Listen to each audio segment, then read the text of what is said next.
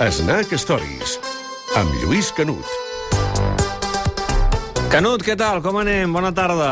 Bona tarda, com estem? Estaves escoltant aquí els mites, a López Ufarte i Sí, Saràbia? sí, sí, sí, amb moltíssima atenció. A més, amb el López Ufarte tinc bona relació, eh, tenim amics en comú i la veritat doncs els estava sentint amb molta atenció.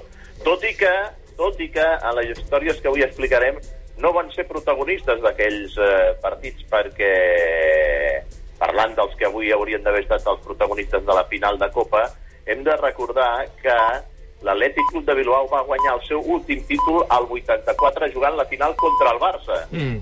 I l'última final que va jugar la Real Societat va ser el 88, eh, que- va ser el, a l'estadi Santiago Bernabéu, i la va perdre contra el Barça. O sigui que va ser cara i creu per uns i els altres, i en cap i en cap dels dos partits van jugar ni Manu Sarabia en aquella final del 84 al Bernabéu, ni Roberto López Ufarte en el 88, perquè crec que ja havia marxat cap a l'Atlètic de Madrid contra el Barça també al Santiago Bernabéu. Mira, Lluís, fem una cosa. Tinc un document que és una joia, eh, on, atenció, sentireu la veu de Santi Carreras i Lluís Canut a Catalunya Ràdio. Estem parlant d'aquesta final de Copa 5 de maig del 84 al Santiago Bernabéu entre el Barça i l'Atlètic, que aquella final acaba com el Rosari de l'Aurora. I ho expliquen en directe el Carreras i el Canut. Ha acabat el partit, l'Atlètic de Bilbao campió.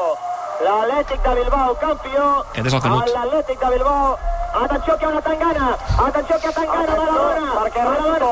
Atenció que hi ha tangana, tangana. Els jugadors despeguen. Han volgut agredir Maradona. Atenció, Maradona. Maradona. Tangana, tangana. Ara Miguel i també surt. Atenció que això ha acabat com el Rosari de l'Aurora. Això ha acabat com el Canut, Rosari t'ha de canviat l'Aurora. molt la veu, eh? Sí, bueno, han canviat, diguem-ne, també les condicions eh, radiofòniques, no? Perquè aleshores es transmetia per una línia microfònica, Sí. ara es transmet per digital, i aleshores es feien aquell so tan, tan, tan habitual de les televisions. Buenas tardes des de l'estadi Santiago Sembleu Bernabéu. barrufets, eh? Ah, exacte, exacte. Cridaves molt No, no. tangana, tangana, tangana, eh? Bueno, és que allò era un ball de bastons. A, a partir de que l'àrbitre del partit va xiular al final del maig, es van començar allà a embolicar bufetades. Jo crec que els jugadors de l'Atlètic ja van anar, crec que va ser el Chato Nuñet, directament a buscar Maradona. Maradona es va encarar amb ells, eh, va aparèixer aleshores immediatament el Migueli i el Clos de defensar el Diego Armando Maradona, que anava amb la, amb la samarreta o estic, vaja, pràcticament tornant a rememorar en directe, Sant Maradona me'n recordo perfectament amb la samarreta estripada, Clos agafant el banderí de corna i defensant-se com si fos una llança, llançament de llaunes des de la grada per part dels seguidors de l'Atlètic de Bilbao que ocupaven majoritàriament la, la, la grada de, de, de l'estadi i, i la zona, sobretot la bocana de vestidors.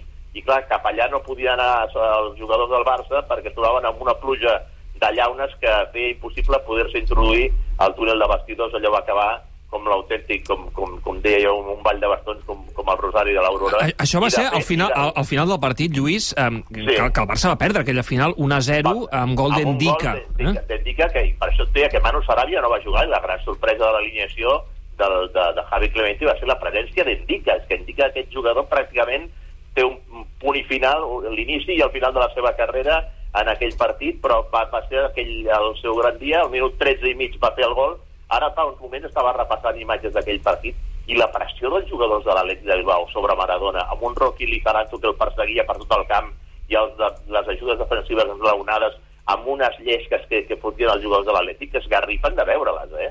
Les veus ara 30-40 anys després... Seria impensable. Eh, hau- haurien acabat amb, amb 4 o 5 expulsats avui dia. Va, avui en dia, vaja, exacte, haguessin suspès el partit Imagina't perquè el no hi hagués VAR. els futbolistes suficients per jugar aquell, aquell partit per acabar-lo perquè les, les llesques anaven... A part, eh, recordo que, que va ser una temporada que es va viure molt tensament perquè és la temporada de la lesió de Goicoechea a Maradona al Camp Nou el dia de la Mercè en la primera volta del campionat de Lliga i que va marcar molt l'esdevenir del campionat de Lliga i després amb una tornada a la segona volta a l'estadi de Sant Mamés que el recordo perfectament aquell partit perquè el vam narrar per Catalunya Ràdio amb un ambient que es tallava amb un ganivet, amb una crispació que hi havia a l'estadi de Mamés i amb una victòria al Barça amb gol de Maradona que va ser... Clar, va per ser això sempre els veterans eh, heu, heu dit eh, sí, eh, aquesta sembla germanor que hi ha ara amb els clubs bascos, en aquella època no era tal, almenys en aquella època en què l'Atlètic de Bilbao i també la Reial després van dominar el futbol eh, espanyol. A més, Javier Clemente es va encarregar d'escalfar aquella final els dies previs. Bueno, Clemente es va encarregar d'escalfar tota la temporada. Eh, Clemente, clar, home, ell el, el que havia de fer sortia a defensar a Goicoechea, però tot i això, ell després, amb el pas dels anys, ha sabut reconèixer que l'entrada a Goicoechea a Maradona va ser fora de lloc eh, totalment, però clar, a ell no li tocava un altre que defensar els seus jugadors i atiar certament el foc. Hi va haver doncs, un, uns enfrontaments, fins i tot creuament de, de, d'acusacions entre Menotti i Clemente, que si eren uns, uns nazis, els altres que si no sé què.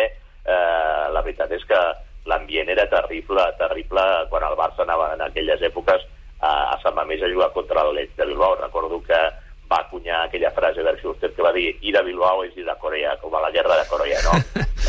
o sigui que, que, que allò, allò, allò va ser, allò va ser eh, terrible i, de fet, aquella final va ser l'últim partit que va jugar Maradona amb el Futbol Club Barcelona, perquè allò va marcar al principi de la sortida de Maradona de, del mm. Futbol Club Barcelona, de Can Barça. I, I anys després, eh, després d'aquesta final, el Barça jugaria una altra final, que en aquest cas sí que la va guanyar contra la Reial Societat, una final de Copa. La, la va guanyar en unes circumstàncies absolutament advers, eh, adverses, perquè si bé en la final de Copa contra l'Atlètic sobre el paper el favorit era el Barça, i allò va ser un doblet per l'Atlètic de Bilbao, eh, després, en la final del 88, el Barça és la temporada del motí de l'Esperia. El Barça havia substituït a l'entrenador, havia canviat a Benevol per Luis Aragonès.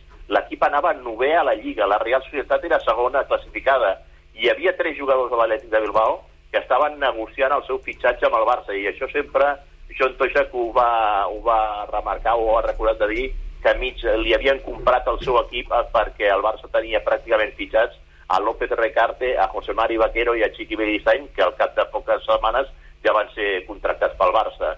I la Real, que era segona a la Lliga, va sucumbir davant del Barça, que va guanyar gràcies a un gol de Talina Lisanco en el minut 15 de la segona part, aprofitant un refús després d'una rematada a boca de canó de Lineker per part de Luis Arconada, la pilota va quedar solta a, a, a l'àrea petita i el capità del Barça es va dedicar només que empenya la pilota al fons de la porteria. Doncs el Barça, que només tenia aquell dia 4.000 seguidors de l'estadi de Santiago Bernabéu, es va imposar davant d'una Real Societat que sobre el paper era clara favorita per guanyar el partit, però insisteixo, a Toixac sempre li ha quedat en la memòria el fet de dir aquell dia me, me, me tocaron al equipo perquè, perquè sabia doncs, que hi havia tres jugadors importantíssims del seu conjunt que estaven a punt de fitxar pel Barça. Eh, eren altres èpoques, les èpoques en què el futbol basc eh, dominava el futbol no, espanyol. Eh, i... fixa't, fixa't una cosa, que després de guanyar aquella final de, de Copa, això era el mes de març, 30 de març, era un dimecres, es va jugar entre setmana quan encara s'estava jugant mm. la Lliga, 28 dies després, perquè el motiu de l'Espèria va ser el dia 28 d'abril, eh, es va produir el famós motiu de l'Espèria,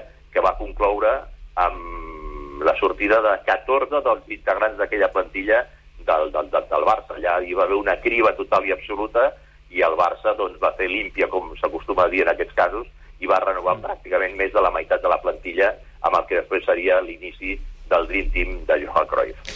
Canut, la setmana que ve una altra història. Vinga, doncs Una abraçada, adeu. Que vagi molt bé, adéu-siau, cuida't.